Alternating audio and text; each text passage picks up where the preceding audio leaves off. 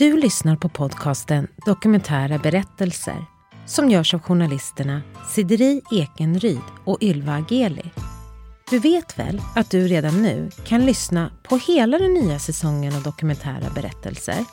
Gå in på Podplay-appen eller på podplay.se. Där finns nu alla tio avsnitt av hela säsong 10 helt gratis.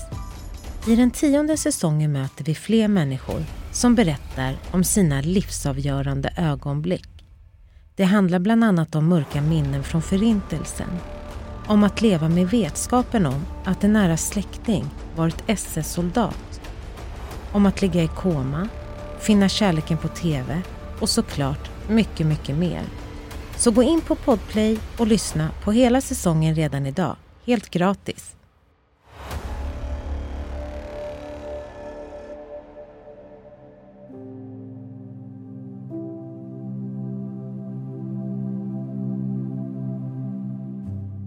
Ja, men egentligen innan är ju värre.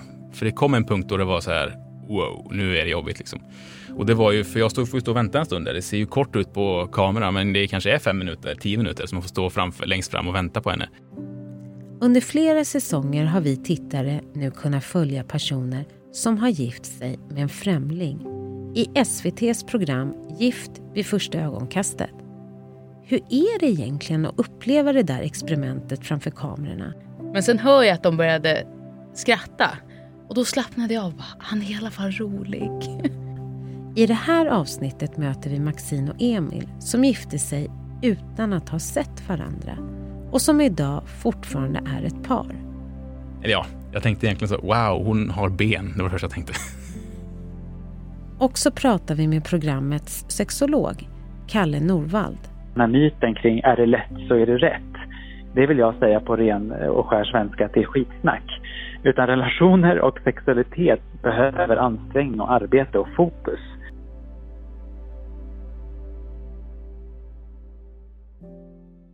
De eh, börjar ju kontakta en efter ett tag och säga att du, verkar, du kommer vidare till nästa steg. De har hela tiden ett steg längre, liksom. så får man en till enkät. Och till slut börjar det komma då att det dyker upp experter hemma hos en som börjar att kolla i ens garderober och kika lite så här, hur, hur ser det ut? Städar du hemma? Eller typ, vad, hur luktar din tandborste? Typ, så.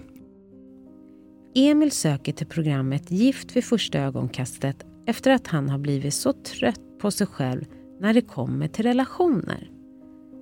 Han hoppas på att någon ska kunna matcha honom bättre med en partner än vad han faktiskt själv kan. Det är en lång process med flera tusen sökanden och många gallringar på vägen. Ja, nu är det så att det är många som, du vet att det var fler par med här och jag tänkte bara ringa och säga då att du har kommit med. Ja, okej. Okay. Du ska gifta dig om två veckor. Också Maxine har bestämt sig för att skicka in sin ansökan. Två år innan så hade min mamma gått bort efter en tids sjukdom. Och eh, samtidigt så var jag eh, tillsammans med en kille och vi skulle gifta oss. Men när min mamma gick bort så valde han att eh, lämna mig innan vi skulle gifta oss och jag hade bröllopsklänning klart och, och inbjudningarna var skickade. Jag hade haft möhippa och allt sånt där och han stack där och lämnade mig och tog hemmet med sig så jag hade inget hem heller. Eh, och eh, på min arbetsplats så blev alla varslade samtidigt så jag stod eh, utan väldigt mycket eh, och min pappa blev dålig samtidigt också. Och så kommer det en dag då ni ska ta på er era bröllopskläder. Och hur var den dagen för dig, Emil? Eh, jag... Eh, det kändes naturligt hela vägen, konstigt nog. Jag, det var inte så... När jag kollar tillbaka på mig själv så borde jag ju varit ett vrak, tänker jag. Men det, just då var det bara, jag var inne i processen och det var så naturligt någonstans. Klart man måste ha bröllopskläder på sig när man ska gifta sig. Så vi var, valde ut en liten kostym liksom och brorsan var med mig och liksom, ja, det kändes som att man kände när man skulle gifta sig. Det kändes som ett vanligt bröllop nästan. Fast det var kameror med och eh, skruvat på många sätt. Liksom. Men man, man finner sig i det ganska snabbt. Liksom. Ja, hur var det där med kamerorna? Alltså, hur, hur fort kunde du vänja dig? Och liksom... Förvånansvärt fort faktiskt. Jag är ganska obekväm med den delen egentligen. Jag är lite privat och lite så här småblyg sådär egentligen. Men de dundrade ju rätt in där på den här söndagen när vi hade fått svaret och så var det bara att ställa frågor och sitta i synkar och så här. Liksom man, ganska fort glömmer man att det, att det blir normalt liksom någonstans. För man lär ju känna sin, eh, sin eh, VJ som de kallas som, som filmar och det är en fotograf som filmar och ställer frågor och allting. Eh, och de blir nästan en del av liksom själva bröllopet med nästan. Vi gifte oss nästan med våra VJs med samtidigt, för de var med hela vägen och hela, hela liksom processen igenom. Maxine tar på sig den brudklänning hon hade planerat att gifta sig med sin före detta partner. Den som lämnade henne precis innan bröllopet. För den hade min bästa kompis designat till mig exakt som jag ville ha den. Och jag var så här, nej, den ska få göra sitt nu.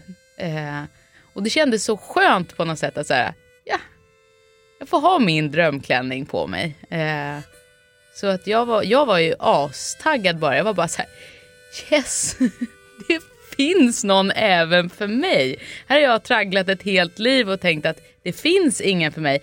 Men det finns någon där, så jag var ju astaggad på det. Så är stunden inne, då de ska gifta sig med en total främling framför sina vänner, familjer och kamerateam. Då är ju hennes familj där, min familj där, prästen där, fem kameror där, men ingen brud liksom. Och då står man bara, Mm. Så ska man försöka underhålla då en, en familj som man aldrig har träffat, plus sin egen med sina vänner där borta och plus alla kameror. Då är det lite press alltså. Eh, så jag önskade att det skulle gå fort där, eh, vilket det kanske inte riktigt gjorde då. Men jag hörde att det började knaka i trapprum, kom ju uppifrån en trappa ner så. Jag hörde att det knakade först liksom så, då tänkte jag nu jävlar, är de på gång. Nu kommer de vurpa ner här. Men sen dök hon ju upp. Och det var ju bara otroligt. Jag är helt säker på fortfarande, fast jag sett det på film hundra gånger, är jag helt säker på att de svävade ner för trappan. Eh, och jag vidhåller det till döden. Vad tänkte du när du såg henne då? Jag tänkte så här, wow. Eller ja, jag tänkte egentligen så, wow, hon har ben. Det var det första jag tänkte. för man står där och snurrar in sig i massa tankar liksom. Jag såg att det fanns en eh, rullstolsramp upp för den här Eh, och inget fel i det, liksom. men man snar, tankarna snurrar iväg. Så här. Ja, det, jag, jag stod och funderade på hur ska jag klara det här nu? Det kommer innebära det här och det här. Och jag har ju höga trösklar i min lägenhet. Det är ju säkert sjätte våningen. snurrar iväg med massa konstiga grejer. Liksom. Men eh, så kom hon ner och så hade hon ben. Så det första jag tänkte var, oh, ben. Då slapp jag tänka på de grejerna. Hemskt kanske, men, men eh, det var bara det som for igenom huvudet då. Och Maxine, du kommer ju ner där. Hur var det för dig när du gick ner och såg honom? Ja, alltså det började med att jag var uppe i ett rum och väntade på att få gå fram till trappen för att sedan stå där och vänta på att få gå ner. Och uppe i det här rummet, i det här tornet då, då hör jag ju dem där nere. För jag hör att det, någon kommer in för att det applåderas tror jag. Eh, och sen så tänker jag så jag bara, ah, om, det sitter, om de sitter där helt tysta där nere, då är det kanske en riktig riktig tråkjeppe av något slag. Men sen hör jag att de började skratta. Och då slappnade jag av. Bara, Han är i alla fall rolig. Okej, då, då spelar det ingen roll någonting annat. Han är i alla fall kul.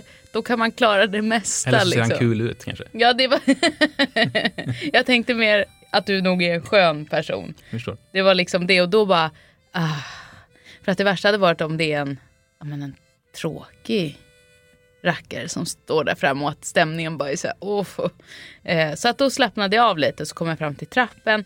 Och jag hade ju inte varit alls nervös innan men det var liksom då allting började komma och bara inte så här, gud vad gör jag utan så här, vem är där nere? Det var det började komma då. Så här, men shit, det är, ju, det är ju faktiskt någon där nere. Och jag var ju också rädd hela tiden att tänk om den här personen kommer hoppa av innan och de säger det blir ingenting. Det var ju min sån här skräck. Bara. Tänk om han bara Nej, jag har träffat någon på Tinder istället eller något dumt.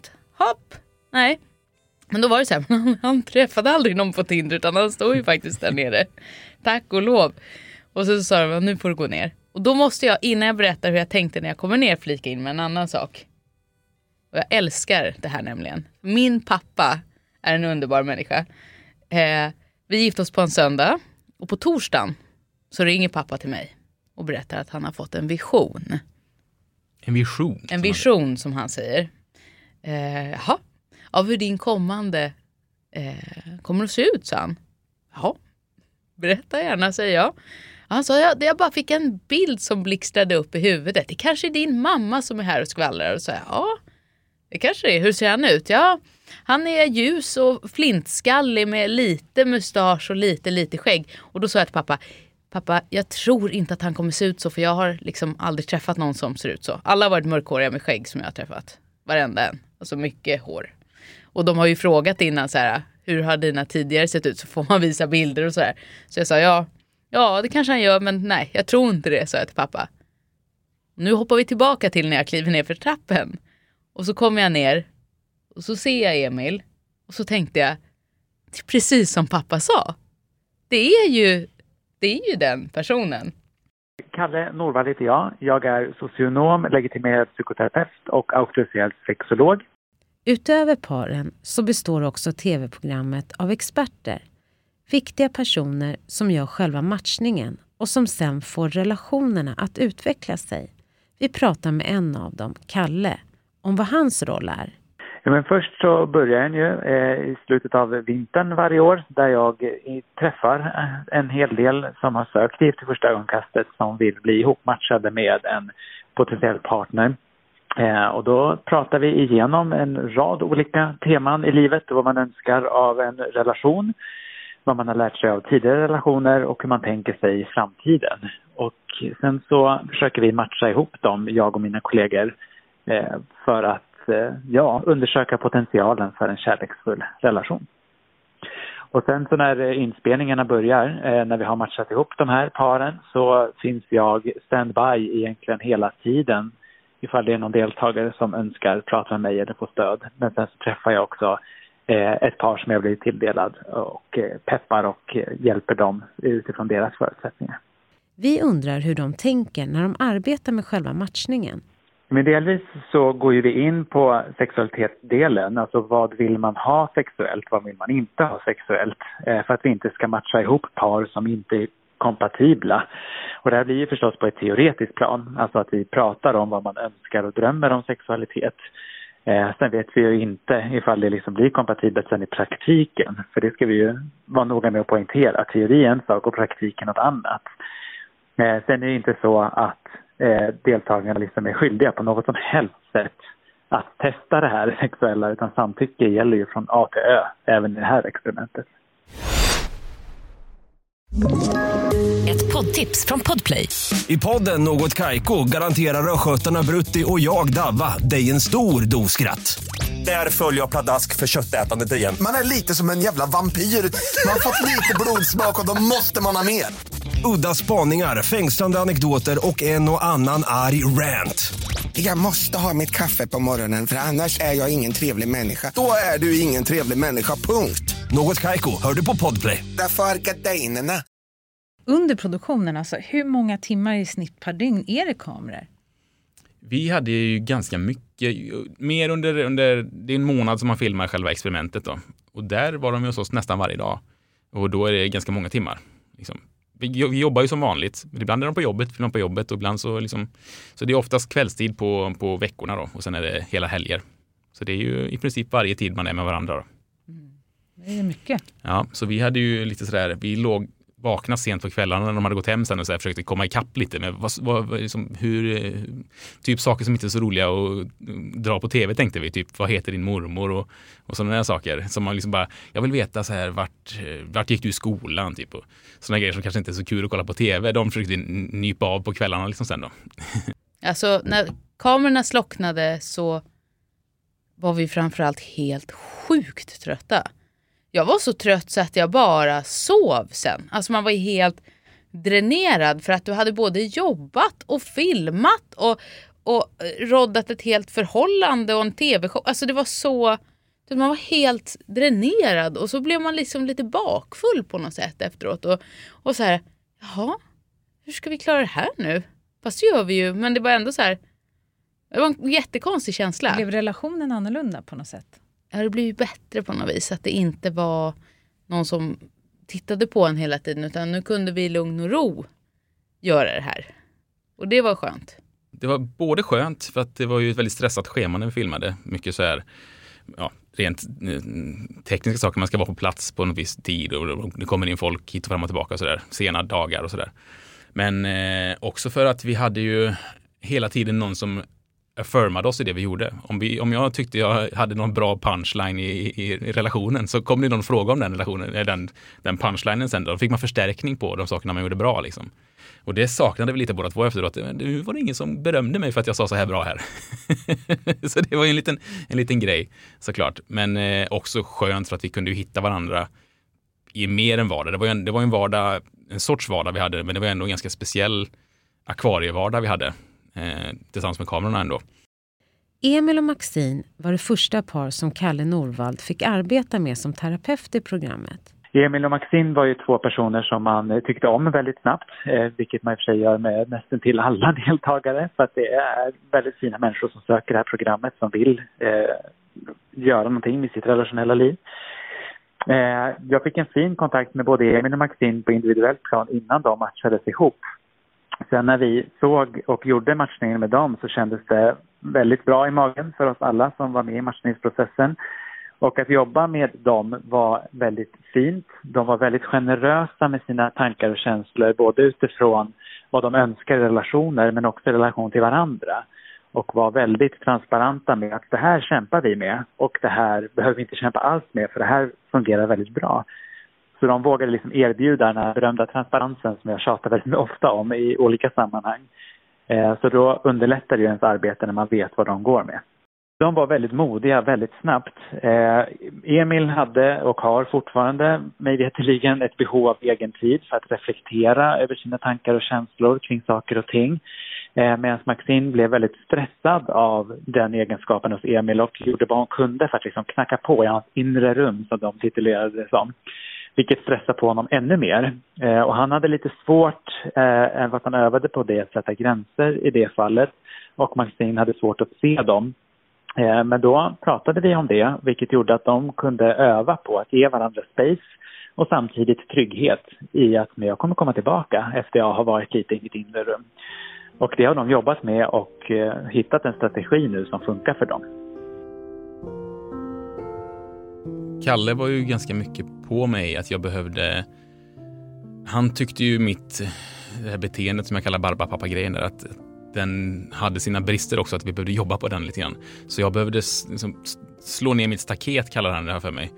Och sätta mina gränser för saker. Här, så här långt kan du gå innan du börjar skada mig. Liksom. Och jag måste så här, sätta ner de gränserna och vara tydlig och kommunicera det någonstans. Var börjar det göra ont på mig? Vart börjar jag gå sönder? Liksom? För det har jag gjort innan, att jag sträcker mig för långt och så går jag sönder. När jag ska försöka hjälpa någon annan. Liksom. Eh, så det kom jag in i det här med liksom ett väldigt sånt fräscht tänk i att jag ska försöka vara annorlunda mot vad jag har varit tidigare. Eh, så jag gick ju, tog konflikt ganska ofta med, med Maxine i början. Liksom för, och var väldigt ovan vid det också. För den så jag visste inte riktigt vad jag gav mig in på. Jag var ute som, som Bambi på halis lite grann. Och så här, nu ska jag liksom, sätta ner mitt staket här. Eh, och ibland så blev ju det eh, jobbigt för jag visste inte riktigt hur jag skulle fullfölja heller. Jag tog ett, ett hårt stance i början liksom, och sen så började jag vackla lite. Jag visste inte vad jag skulle ta mig till riktigt för jag är inte van vid att vara i konflikt. Eh, och var rädd för det. För hela mitt liv så har konflikt varit är det konflikt då är det redan kört. Liksom. Då är det slut och över. All, alla har förlorat. Det här har fått mig att inse, och Kalle väldigt mycket har fått mig att inse att eh, konflikten är ju per se ingenting dåligt, utan det är någonting som kommer hända och får det komma ut och hanteras på rätt sätt så kan det till och med vara en styrka. Liksom. Det är i friktionen som energin frigörs, sa han. Och det är någonstans, håller jag med om.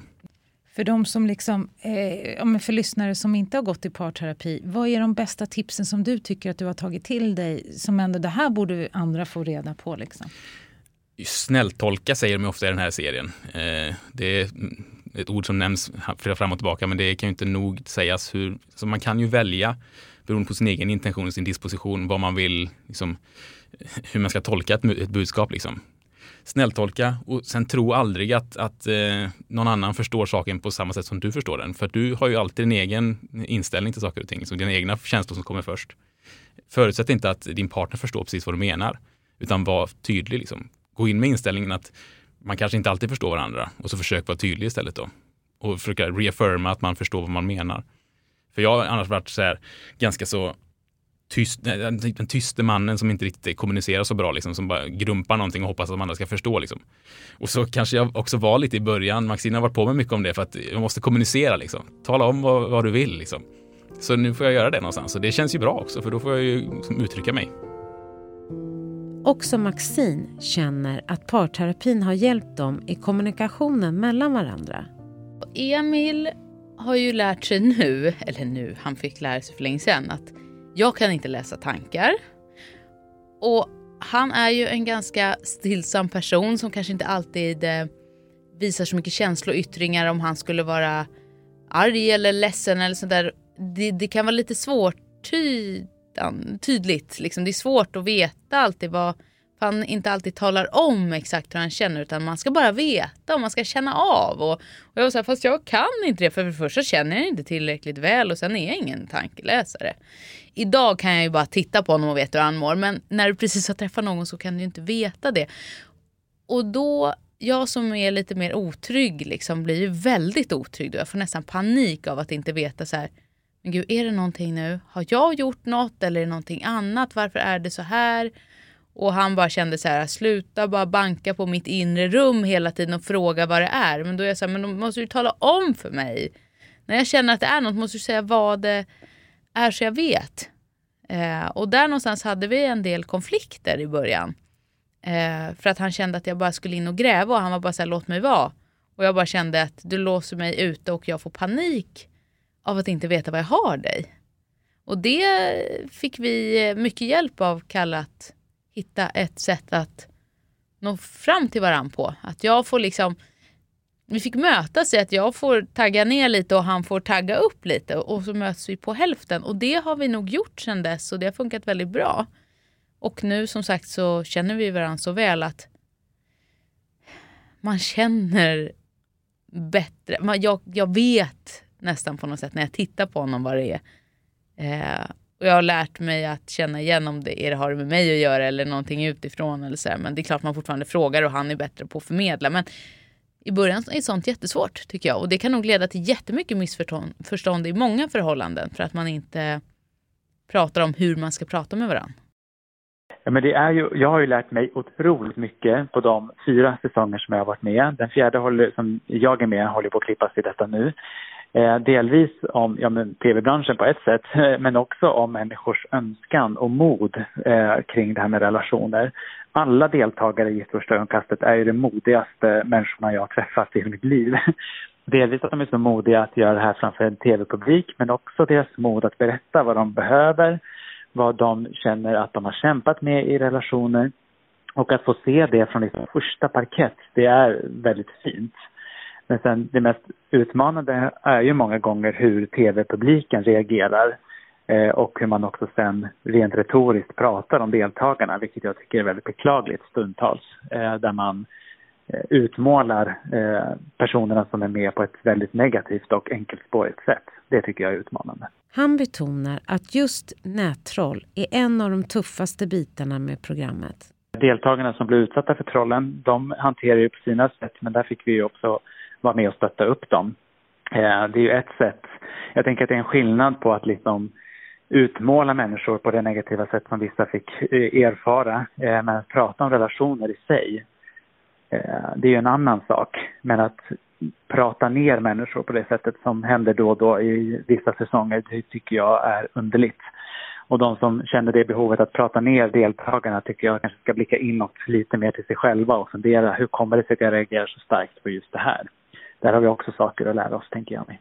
Vad är det bästa ni kompletterar varandra i när det gäller era personliga egenskaper? Det absolut bästa är ju att jag är gasen och han är bromsen. Jag vill full fräs framåt. Jag vill bara säga, nu kör vi bara. Tänk inte så mycket, nu gör vi det. Medan Emil kan sitta på sin kammare och tänka väldigt mycket över saker och fundera väldigt många gånger. Vilket gör att han kanske inte ens hinner komma igång med någonting innan det, tåget har åkt. Och jag kanske har hoppat på fel tåg, är du med? Och då, då behöver vi ju mötas där för att komma på rätt tåg i rätt tid. Är ni trygga i er relation idag? Vi är mycket trygga i vår relation idag. Eh, så här trygga har jag aldrig varit i någon relation. Eh, vi är ju nog menade att vara med varandra. Det är jag helt övertygad om. Idag har Maxine och Emil en dotter tillsammans. Det var inte riktigt planerat även fast det var planerat. Vi hade tänkt, ja men vi börjar skaffa barn efter sommaren sa vi på vintern. Men det blev lite tidigare ändå utan att vi hade riktigt tänkt oss det. Eh, så det, jag upptäckte att jag var gravid i slutet av mars istället. Eh, och då var det bara att min mens var två dagar sen eller något sånt, inte ens mycket. Men det var bara så här, eh, jag kollade för säkerhets skull och jag gick upp själv, Emil låg och sov. Jag kissade på någon liten sticka och så bara la jag ifrån mig det medan jag sminkade men jag tittade knappt. Jag var bara så här, det är sån här rutingrej, man kollar väl ibland och ser så att det inte är något. Men så tittade jag på den och såg att det är något och då höll jag ju på att svimma. Och tänkte jag, jag ska inte väcka Emil nu precis innan jag går till jobbet och bara hörru titta men nu måste jag springa. Så jag gick till jobbet, köpte ett sån här riktig stick eller vad man ska säga som visar hur länge man har varit gravid. För jag tänkte den talar om, kanske är fel på den där andra. Men den visade att du är 100% gravid och du har gått tre veckor eller något sånt där stod det. Och då köpte jag en liten ask som jag tejpade fast den där stickan i och så skrev jag hej pappa. Slog in den och gick hem. Och så var det ju då påsken var på ingång så jag hade någon sån här påskpåse och så här glad påsk. Och så, så filmade jag när han öppnade och han tänkte väl ja ja det är väl någon tröja som vanligt eller något annat strumpor eller kallingar eller något. Och så öppnar han och man bara ser han bara hela ansiktet bara tappas när han ser vad det är i och bara tittar på mig och bara men gud. Sån himla överraskning men han blev också så himla glad. Men det var ju verkligen en chock för oss båda. Det var det. Vad är det mest utmanande med er relation idag, om det är någonting? Det, allting är utmanande med en relation. Eh, och idag så är det ju det här att finna tiden för varann. För att i, ofta när man har lagt den här lilla eh, att sova, då är man mer så här, men gud nu får jag min egen tid. Jag vill kolla på min serie. Jaha, och du vill kolla på någon gäddgrej på datorn. Och då är man mer så här, åh vad skönt det är att bara få sitta i, hos sig själv. I mig, i min egen kropp på något vis. Och då är det så här, man måste också komma ihåg att nej men just det, vi måste ju också ge varann tiden att umgås. Eh, och ge, ge det en, en bra balans tycker jag ibland kan vara svårt faktiskt. Jag tänker verkligen att jag vill poängtera eh, att det inte finns snabba lösningar på svåra problem utan att det här kräver arbete och energi. Och det är väl det som också en hel del vänder sig om och jag vill passa på då för lyssnarna att krossa den här myten kring är det lätt så är det rätt. Det vill jag säga på ren eh, och skär svenska att det är skitsnack. Utan relationer och sexualitet behöver ansträngning och arbete och fokus. Eh, jag tänker snarare om man tänker att är det lätt så är det rätt så är det nog en indikation på att vi faktiskt undviker någonting. Sen ska det inte vara svårt hela tiden. Vissa saker ska vara lätta. Men när man märker att det finns någonting man behöver anstränga sig för för att fokusera så kan det faktiskt vara att man är på rätt spår. Att behöva jobba med saker och ting. Det är därför, det är därför vi pratar om relationsarbete. Det är för att man behöver anstränga sig för sin relation. Vi är ju väldigt olika. Men att vi ändå kan så här, vi är precis så brett ifrån, så långt ifrån varandra man kan vara men ändå nå varandra tror jag. Känns det som du kommer hålla hela livet? Ja, jag kan inte se ens att det inte skulle vara vi. Det finns inte ens där. Jag, alltså min mardröm, att bara tänka på att gud skulle jag gå ut och dejta, aj, aj, aj, huvudet bara spränger. Jag vill inte, jag vill aldrig träffa, jag vill aldrig ta en annan man igen. För det är bara så här, det är förknippat med så mycket ångest för mig, dating och att försöka lära känna någon för att jag är inte så bra på det helt enkelt. Jag vill bara att det ska dyka upp en trygg person som är grundad och jag träffar aldrig dem på egen hand. Så att nej, det är Emil resten av livet eller så ska jag leva själv med 12 katter om han skulle dra. Punkt.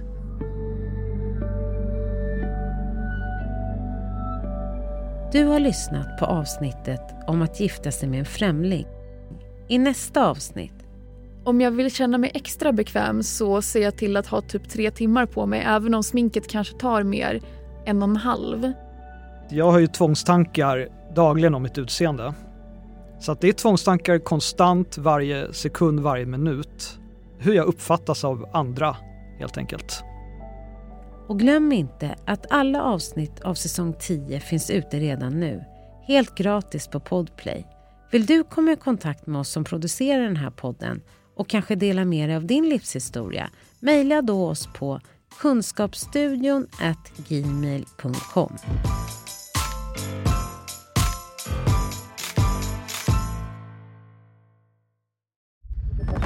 Podplay, en del av Power Media. Ett poddtips från Podplay. I podden Något Kaiko garanterar östgötarna Brutti och jag, Davva, dig en stor dos skratt. Där följer jag pladask för köttätandet igen. Man är lite som en jävla vampyr. Man har fått lite blodsmak och då måste man ha mer. Udda spaningar, fängslande anekdoter och en och annan arg rant. Jag måste ha mitt kaffe på morgonen för annars är jag ingen trevlig människa. Då är du ingen trevlig människa, punkt. Något Kaiko, hör du på Podplay. Därför arkadeinerna.